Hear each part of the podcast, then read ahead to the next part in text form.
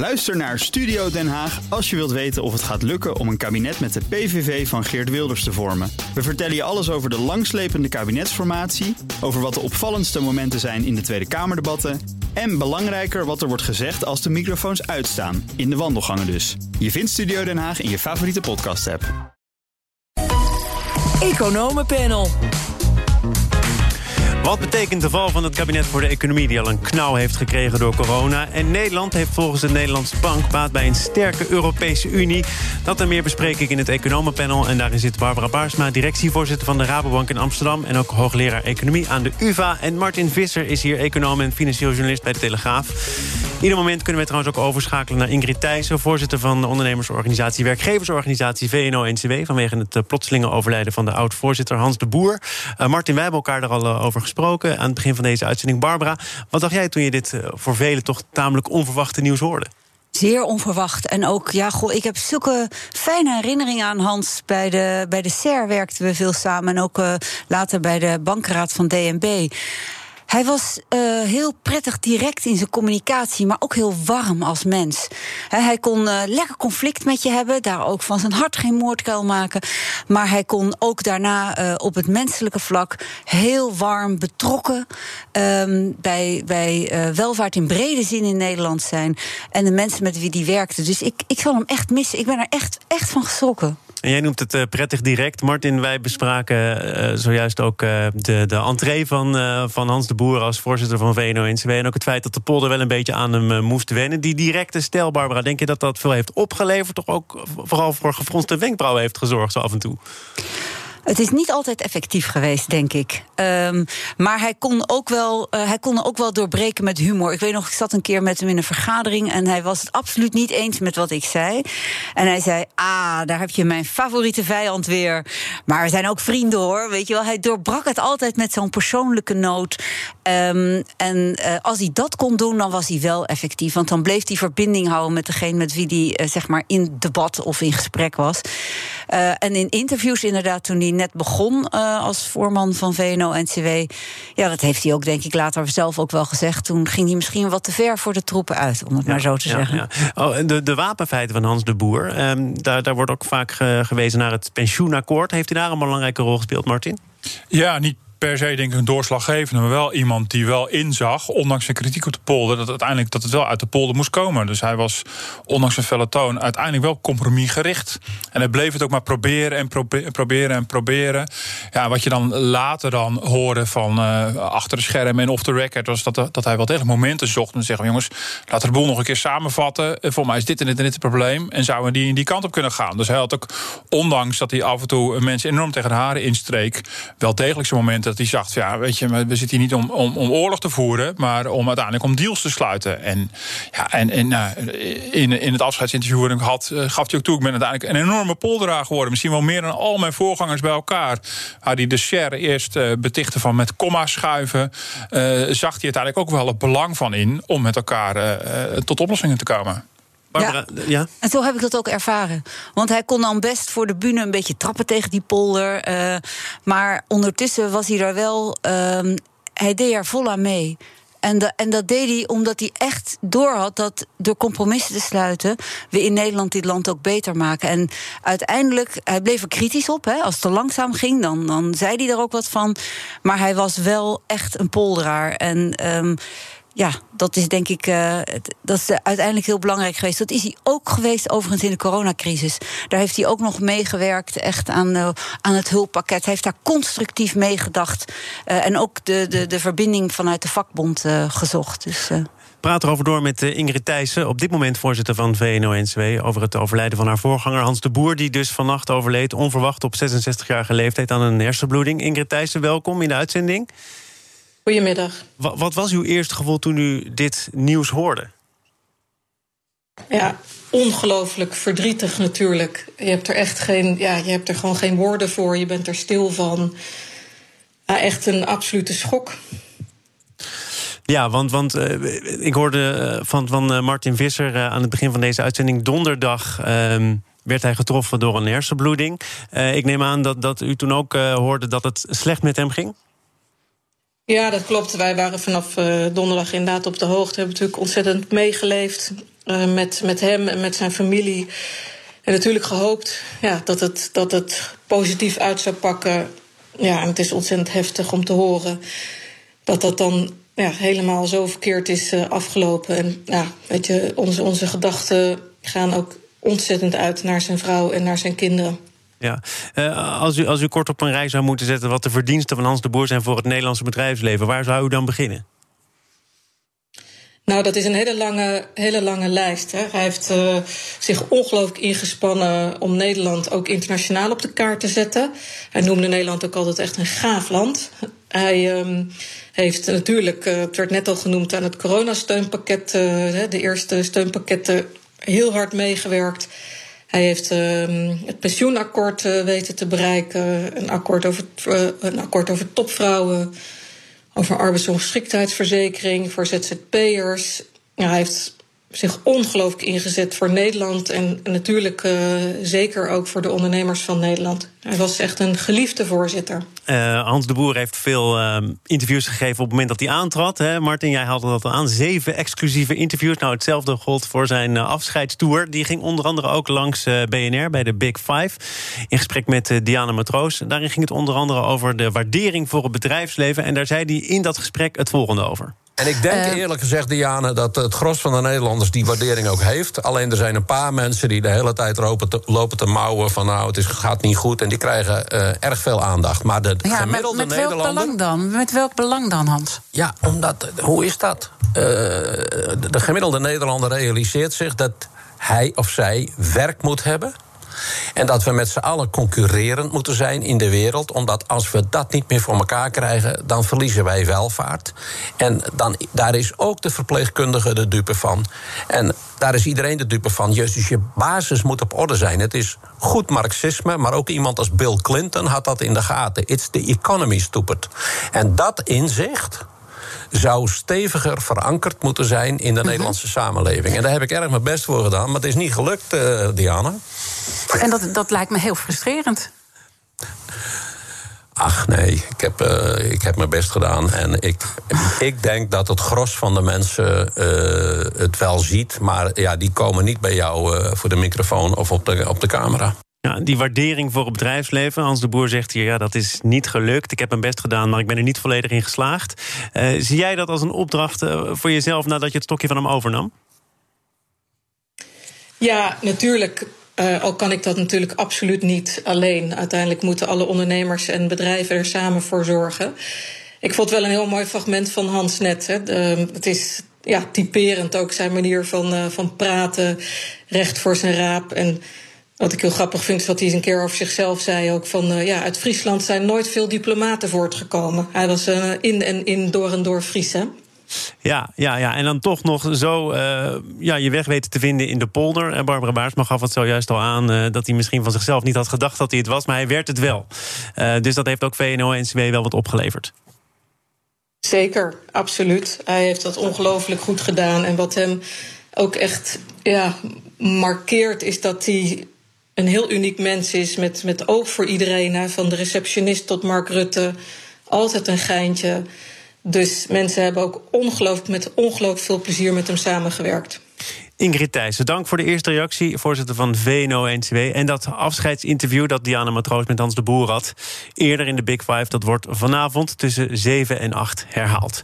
Um, ik praat uh, door met het uh, economenpanel. Martin Visser, Barbara Baarsma. En um, nou, er, stond al heel veel op onze agenda, eerlijk gezegd. Laten we nog even kort uh, teruggaan naar afgelopen vrijdag... toen het kabinet viel over de toeslagenaffaire. Um, heeft dat gevolgen voor hoe dit kabinet zich kan manifesteren... in het bestrijden van de corona? Coronacrisis en ook de economische bestrijding van de gevolgen die deze aanpak nu heeft, Barbara? Um, dat laatste hoop ik wel. Um, maar ik, ik denk dat de val van het kabinet zal economisch gezien niet van heel grote uh, betekenis zijn. Het zat zo überhaupt nog maar twee, tweeënhalve maand. Uh, en daarmee zou het überhaupt op een laag pitje staan. In de zin van er zou geen hele grote nieuwe beleidsaanpassing zijn. op het gebied van klimaat of de woningmarkt of wat dan ook. Um, en ook na de verkiezingen zouden ze dan wel niet dimensionair, maar wel op een laag pitje door, doorregeren. Dus daarvan is het effect niet zo groot. Bovendien is door de Kamerbreed uh, maatschappijbreed, wou ik bijna zeggen, aangegeven dat men uh, op corona nou juist misschien wel demissionair is, maar wel gewoon niet op een laag pitje, maar op de hoogste, in de hoogste versnelling uh, beleid blijft doorvoeren. Ik hoop overigens wel dat het betekent dat er iets meer ruimte komt voor beleid dat beter doordacht is. Dat de afwegingen tussen de schadelijke effecten van het beleid, die nu toch ook echt heel manifest worden. Als het gaat om maatschappelijke schade, economische schade, de schade aan de niet-corona gerelateerde patiëntenzorg, uh, dat daar toch ook meer ruimte voor ontstaat. De minister van Economische Zaken, Erik Wiebes, die stapt per direct op. Daar komt een vervanger voor. Cora van Nieuwenhuizen was ook afgelopen zondag aanwezig bij het Katshuisberaad. In de Telegraaf werd de minister Wiebes omschreven als het creatieve brein achter de steunpakketten. Um, nou, twee vragen daarover. Hoe creatief zijn die steunpakketten? En wat is dan de bijdrage geweest van Erik Wiebes, Martin? Nou ja, die steunpakketten zijn in die zin creatief dat ze natuurlijk ongekend zijn. Dat is nog, nog nooit vertoond. We hebben ze nu sinds maart. Ze zijn voortdurend weer aangepast aan de actualiteit. Um, ik had er wel eens kritiek op dat het oh, wel steeds achter het coronabeleid aanhobbelde. Maar uiteindelijk, uh, de bottom line is dat het ongelooflijk goed heeft gewerkt. Als je het afleest, in ieder geval aan de faillissementcijfers. Um, ik denk dat heel veel ondernemers wel degelijk diep in de financiële problemen zitten. Dus nu wordt nu hard gewerkt aan een opplussen van het steunpakket. om, om toch nog meer ondernemers tegemoet te komen. Ja, en wat, je, wat, je, wat wij natuurlijk al horen uit de contacten... is dat Erik Wiebes dus degene is die voortdurend probeert... die contacten warm te houden met al die branches. Die nadenkt over, is het niet toch mogelijk om een experiment te doen... met evenementen, een experiment met restaurants... en er af en toe tegen een muur aanliep binnen, binnen het kabinet. Ja, en, en ja, die creatieve manier van denken, die zijn ze nu kwijt. Ja, dat wil ik onderschrijven. Want wat hij deed was ook door zijn scherpe analytische geest. Hè. Ik bedoel, er wordt dan wel gezegd, ja, hij was inderdaad heel scherp analytisch en daardoor soms verloor hij het menselijke uh, oogpunt misschien wat uit het, of het menselijk vlak wat uit het oog. Maar dat vraag ik me af, want hij heeft juist wel oog gehad voor de schade van het coronabeleid. En hij ging er niet vanuit, het kan niet, maar zijn creativiteit zat in de implementatie. Hoe kunnen we het zo maken dat het snel geïmplementeerd kan worden? Dat het, dat het voor een grote groep gaat werken. Uh, en, en die creativiteit dat ben ik met Martin eens. Die, die kwam wel ja, van, van hem, van zijn ministerie, van de mensen met wie hij werkte. Ja, dus het feit dat hij dan opstapt, ook al is het in het zicht van de finish en uh, viel er misschien de komende weken niet zo heel veel meer te doen, dat, dat zou nog wel eens toch een verlies kunnen zijn. Nou, als men weet dat men dat verliest, kan men het ook aanvullen. Want de mensen bij het ministerie, die ook mede verantwoordelijk zijn, aangezet uiteraard en ruimte gegeven door Erik Wiebes, maar die werken daar nog wel. En laten we die stem van ondernemend Nederland. Uh, laten we die ook, uh, en, en ook breder in de maatschappij, hè, schoolgaande kinderen enzovoort. Laten we die ook horen in dit beleid. Ja, ja nou, jij bent daar natuurlijk ook uh, actief mee bezig als een van de initiatiefnemers van Herstel NL. Ik las een groot stuk over heropening, ja. experimenten, ook van jouw hand in de Telegraaf. Um, dat zijn stemmen die je wel hoort, maar de grootste stem of de grootste dreiging die er boven de markt hangt, is toch weer die avondklok. Ja. Dus, dus waar in het prioriteitenlijstje staat dan een intelligente manier om weer open te gaan, Martin? Nou, nog vrij laag. En je ziet ook dat, eh, dat uh, ondanks de verwoede pogingen, het initiatief van Herstel NL in ieder geval politiek gezien nog weinig voet aan de grond krijgt. Um, dus een hele duidelijke, een dominante manier van tegen deze coronacrisis aan, aankijken, die ik overigens wel heel goed kan begrijpen. Ik deel niet helemaal de, de frustratie van, uh, van Barbara Baarsma hierover. Um, en dus zie je dat de prioriteit nu heeft gewoon maximaal dat virus proberen weg te drukken. En zeker in het licht van het opkomende, nou, die Britse variant, waarvan nog zoveel onzeker is, maar waarvan we wel weten dat die veel besmettelijker is. Ja, en dan, dan staat op de prioriteitenlijstje die, die intelligente heropening, die staat op nummer twee. Maar de en, frustratie van Barbara en de haren is toch wel duidelijk? Nee, die is wel heel zeker. Die is wel, begrijp maar ik zeker. Ik, ik, zou, ik, zou ook, ik zou ook graag van alles en nog wat willen. Het is niet frustratie dat mij motiveert om dit te doen. Het is een oprechte zorg om het welzijn en de welvaart, dus het geluk en uh, ons groeivermogen op lange termijn. Want wat we nu doen is heel erg op de korte termijn kijken. Um, en zelfs zo'n exit-strategie zou nog dit jaar zijn. Misschien voor de zomer, misschien na de zomer, afhankelijk van de snelheid waarmee we kunnen vaccineren. Maar waar ik mij zorgen over maak, is op de lange termijn. Wat doet dit met uh, de levens van mensen die toch al kansarm waren en die nu nog veel kansarmer zijn? En weet, een, uh, mensen die lager opgeleid raken, bijvoorbeeld kinderen op school nu, doordat ze kansarmer zijn, daar, die leveren heel veel gezonde levensjaren in. En dat staat als je het ook optelt bij alle andere uh, nadelen van het coronabeleid, niet in verhouding tot wat we nu uh, aan het redden zijn. En ik vind dat we in elk geval met daarover met elkaar een open gesprek moeten hebben. En hoe ik het ervaar, is dat dat te veel op de korte termijn is, niet open is, want het is niet transparant. De afwegingen zoals het kabinet die maakt tussen nu en de lange termijn, tussen coronazorg en niet-coronazorg, tussen de maatschappelijke en de economische effecten enzovoort, die is niet transparant. En ik vind dat in een democratie dat soort dingen echt veel transparanter moeten. dus, dus afwegingskaders, ook een belangrijke term in het stuk van Herstel NL, daar zou in ieder geval meer duidelijkheid over moeten zijn. En wanneer je op welke manier wat afweegt. Ja, dat, maar we hebben ook een, een heel constructief constructief voorstel gedaan over hoe je een vorm van beleid, heus niet de enige vorm van beleid, maar meer op risico sturend. Want het maakt wel heel veel uit of een jonger iemand zonder onderliggend lijden besmet wordt of een ouder iemand met onderliggend lijden. En nu worden die ongelijke gevallen wel gelijk behandeld. Terwijl je ook kan denken, we kunnen meer op risico sturen. En ons verzoek was: wil je dat eens door laten rekenen? En dat gebeurt tot op heden, daar ben ik het met Martin eens, niet. Overigens zijn, het, zijn er wel steeds meer krachten in de maatschappij die om dit soort helderheid en transparantie vragen. Want er wordt dan... Martin, ik wil nog even naar jouw stuk, want, want het mhm. gaat inderdaad over risico's. Risico's stuurt beleid. Ik kwam in jouw stuk uh, twee zorgexperts tegen, waarvan de een zegt uh, de druk op de ziekenhuizen verdwijnt als je alle 60-plussers vaccineert. En de andere zorgexpert zegt met net zoveel recht en reden. Nou, wacht maar, als die jongeren zo meteen alle disciplines laten varen, dan liggen die ziekenhuizen alsnog vol. Ja. Dus nou op basis waar waarvan moet je dan beleid maken? Ja, dat is, dat is, ook, dat is ook inderdaad ook wel ingewikkeld. De ene was inderdaad van Herstel NL. Die zei van uh, als straks alle kwetsbaren zijn gevaccineerd... dan kan bij wijze van spreken de rest van Nederland uh, geïnfecteerd zijn... dan liggen de ziekenhuizen nog niet vol. En de andere zorgeconoom zegt van nou ja, uiteindelijk... zullen ook 40ers en 50ers dan op de IC belanden uh, na verloop van tijd. Ja, uiteindelijk is dat een kwestie gewoon van rekenen. En daar kan ik wel heel erg meegaan in, in die analyse. Kijk, nu, ik, ik kan me voorstellen dat het kabinet nu geen andere mogelijkheid ziet... dan deze heftige, vervelende maatregelen maatregelen te nemen. Maar het gaat inderdaad vooral over de fase daarna. Wat doen we eigenlijk na de lockdown tot het moment dat nagenoeg iedereen gevaccineerd is? En dan moet je natuurlijk gaan. Dat is veel ingewikkelder bij wijze van spreken dan, dan die lockdown zelf. Dan moet je inderdaad gaan, gaan zoeken en gaan schipperen. Blijf je dan dezelfde doelstellingen houden als kabinet? Of ga je zeggen, nee, we gaan toch op zoeken naar verantwoorde manieren om langzamerhand open te gaan? Ga je al dan niet toestaan dat mensen zelf mogen bepalen of zij wel of niet een risico willen lopen? Je zegt, nou, we doen restaurants open en het is aan mensen zelf om in te schatten ik wil het gereden risico wel nemen en ik wil, of ik wil dat niet nemen.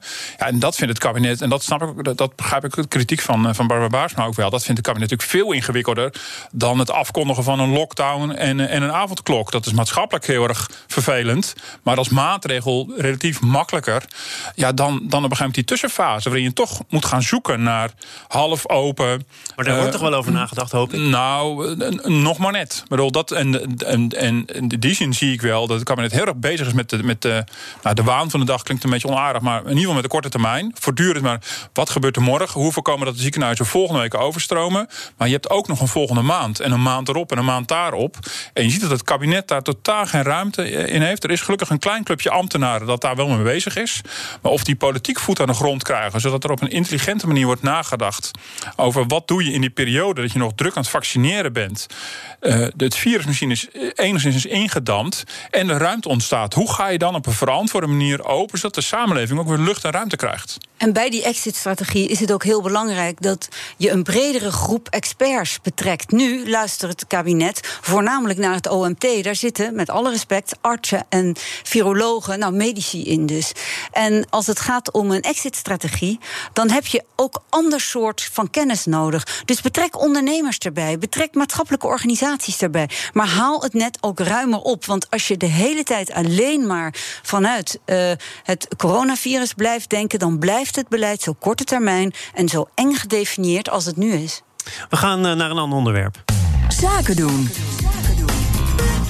Samen met het uh, economenpanel Barbara Baarsma, Martin Visser zijn hier. Ik wil het met jullie hebben over een studie van de Nederlandse Bank... waaruit naar voren komt dat Nederland baat heeft bij een sterke Europese Unie... maar de veranderende internationale verhouding uh, zorgt ervoor... dat uh, de EU die regionale handelsverdragen nog wel sluit... maar ook op steeds meer sceptisch stuit van mensen die zeggen... nou, achter onze eigen dijk is het ook wel goed. Protectionisme wint aan populariteit.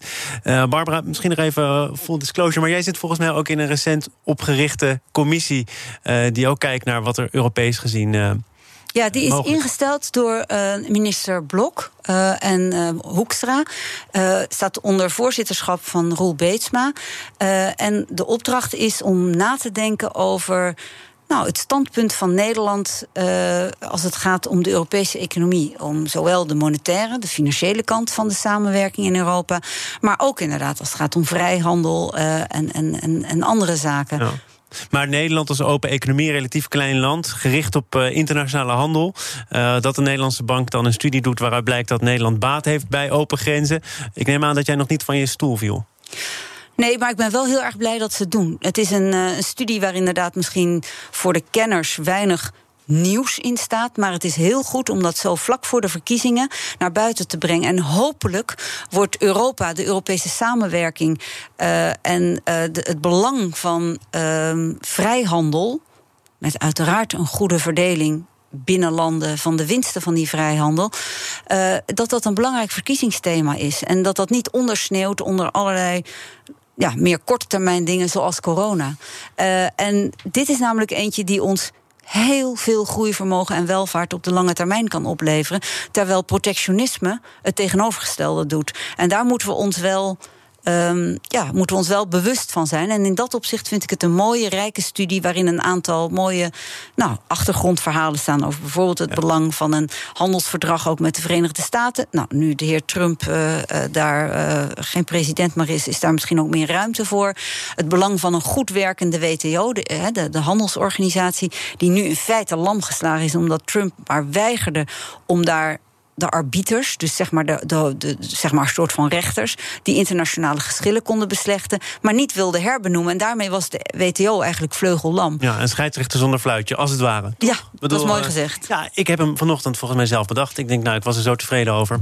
ik gooi maar de eter in. Ehm, ehm, Martin, ehm, eh, Barbara haalde het ook al even aan. Eh, vrijhandel, uiteraard, met ook oog voor verliezers. Want misschien het feit dat er verliezers zijn... en dat dat ook wel breed wordt erkend...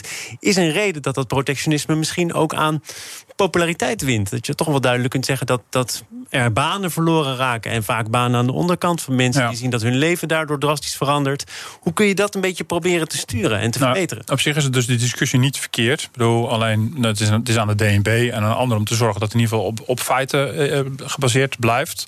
Maar dat er nu oog is voor dat de globalisering en, en internationale handel soms ook een andere kant kan hebben. Dus we zeggen heel goed, net zo goed als heel veel discussies geweest bij handelsverdragen over wat betekent dit voor allerlei milieueisen die wij stellen aan onze producten. Eh, eh, en als we dat dan gaan uitwisselen met andere landen, worden dan dezelfde eisen gesteld, ja of nee. Dus in die zin is het ook goed, is het ook helemaal niet, niks mis mee om er gewoon kritisch naar te blijven kijken.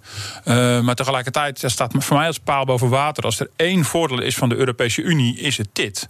Nog veel meer dan dat hele gedoe met de, met de euro en het monetaire samenwerken. Dit staat gewoon buiten kijf dat we hier enorm bij te winnen hebben. En ik denk wel dat alle discussies, vooral sinds de eurocrisis over het monetaire samenwerken, ook dit op een gegeven moment beïnvloed heeft. Ja, en ik denk dat eh, de Brexit-onderhandelingen natuurlijk wel een mooie illustratie zijn geweest. Dat we waren blij dat er aan het eind in ieder geval een deal was. Maar dat is ook een deal waar je uiteindelijk niemand echt iets mee opschiet. Het is altijd een verslechtering van de Maar handelsrelaties. de EU liet zich niet uit elkaar spelen. Nee, dat is, nee dat, is goed, dat is goed gedaan. Maar ik bedoel, eh, de internationale handel tussen de EU en het Verenigd Koninkrijk gaat natuurlijk niet op vooruit. Door het feit dat we nu uit elkaar zijn. Er is nu in ieder geval een deal. Dus dat is een soort van illustratie van hoe, hoe, hoe wezenlijk en belangrijk internationale handel kan zijn. Nou, ondernemers die, die, die daarmee te maken hebben, die zullen dat beamen. Dat het natuurlijk niet makkelijker is geworden om handel te sluiten. Dus ik zie dat als een soort van, van marketing pro-internationale handel. Eh, eh, en we hebben natuurlijk het omgekeerde daar zien gebeuren. Er wordt een stap teruggezet in de internationale verhoudingen. Maar goed, dat er oog is voor, voor verliezers. En dat je daar eh, en dat je, dat je dat het sociale componenten moet hebben. lijkt me heel goed. Al is het vaak wel ook een beetje veel gepraat. Ik ben ook wel benieuwd waar die sociale componenten dan concreet uit gaan bestaan. Ja, want de, de, de verdieping van de Europese samenwerking, waar de Nederlandse bank het ook over heeft, op welke manier zou dat dan überhaupt nog kunnen? Ik dacht namelijk dat, dat we zeker daar waar het gaat over handel al best wel intensief samenwerkten als Europese Unie. Ja, Wij hebben vooral één markt als het gaat om goederen. Als het gaat om diensten is dat niet zo. Dus wij zouden echt nog, als het gaat om de dienstenmarkt, dus denk aan zakelijke dienstverlening, ehm, zouden we nog veel meer één markt kunnen worden. En ook daar liggen eh, ja, grote welvaartsvoordelen ehm, eh, voor ons. En daarnaast denk ik dat ehm, ja, de Europese Unie ook echt zou moeten werken aan hun marketing. Ik heb dat ooit wel eens een keer besproken met Martin. Um, in, in een interview dat hij afnam voor, voor zijn uh, mooie krant. Uh, maar dat is dat eigenlijk heeft de Europese Unie heeft, is ervan uitgegaan dat iedereen wel begreep dat vrijhandel goed is voor iedereen. Maar uiteindelijk hebben ze, is dat, is dat uh, jammer geweest dat ze die veronderstelling hadden. Want daarmee hebben ze niet een mooie lijst gemaakt met al die dingen. waar de Europese Unie heel veel voordeel voor burgers heeft opgeleverd. Dus ze hebben hun marketing gewoon niet goed gedaan. Als er iets goed gaat in Europa, dan is het de verdienste van nationale regeringen. Gaat er iets slecht, dan is het de schuld van Brussel. Maar dan moet je die nationale regeringen natuurlijk gunnen dat, is prima, maar daarnaast. mee naar huis kunnen nemen. Dat is waar. Maar daarnaast moet je een lijstje hebben met die dingen die je echt Europees beter. Hè, door, door Europese samenwerking beter zijn geworden. En dat moet langer zijn dan louter telefonie. Uh, en daarnaast denk ik, ja, we hebben het over uh, globalisering die onder druk staat als gevolg van de twijfel die men heeft over, de, over wat voor baten vrijhandel heeft voor, voor uh, het individuele mensen. En mensen die denken van, nou, voor mij heeft dat niet zoveel baten, die gaan misschien tegenstemmen. Maar ik denk dat de coronacrisis toch ook wel iets heeft gedaan in dit debat. En daar, dat is wel iets dat we nog moeten doordenken. Dat je namelijk dat daar is ontstaan dat uh, we erachter zijn gekomen dat die heel sterk geglobaliseerde ketens, waarbij je het schroefje daar haalt waar het meest goedkoop is, waardoor leveringszekerheid onder druk komt te staan. Of neem de voedselketen, waarin ons eten wel van heel ver weg komt, terwijl er dichtbij ook eten is. Of de mode, waarbij je niet meer uh, kan zien hoe bepaalde kleding is gemaakt, onder welke arbeidsomstandigheden. Ik geloof dat de coronacrisis wel heeft doen inzien dat sommige dingen je ook dichterbij kunt organiseren. of met minder schakels. Hoe heet het boek? Jouw boek? Oh, Nederland Voedselparadijs. Ja, ja, het is maar even genoemd. Ja, dank je zeer. Barbara Baarsma, directievoorzitter van de Rabobank Amsterdam... hoogleraar Economie aan de UvA. En Martin Visser, econoom en financieel journalist bij de Telegraaf. Dank voor jullie komst, uh, dit veelbewogen economenpanel. Uh, zometeen uh, kun je onder andere te weten komen... of je recht hebt op een thuiswerkvergoeding... of hoe je afscheid neemt van personeel. Want arbeidsrechtadvocaat Suzanne Meijer is dan mijn gast. Schrijver van het boek Geen gedoe met personeel. Bij BNR ben je altijd als eerste op de hoogte van het laatste nieuws. Luister dagelijks live via internet. Bas van Werven. En heel langzaam komt de zon op rond dit tijdstip. Je krijgt inzicht in de dag die komt op BNR, het Binnenhof in Nederland en de rest van de wereld. De Ochtendspits. Voor de beste start van je werkdag. Blijf scherp en mis niets.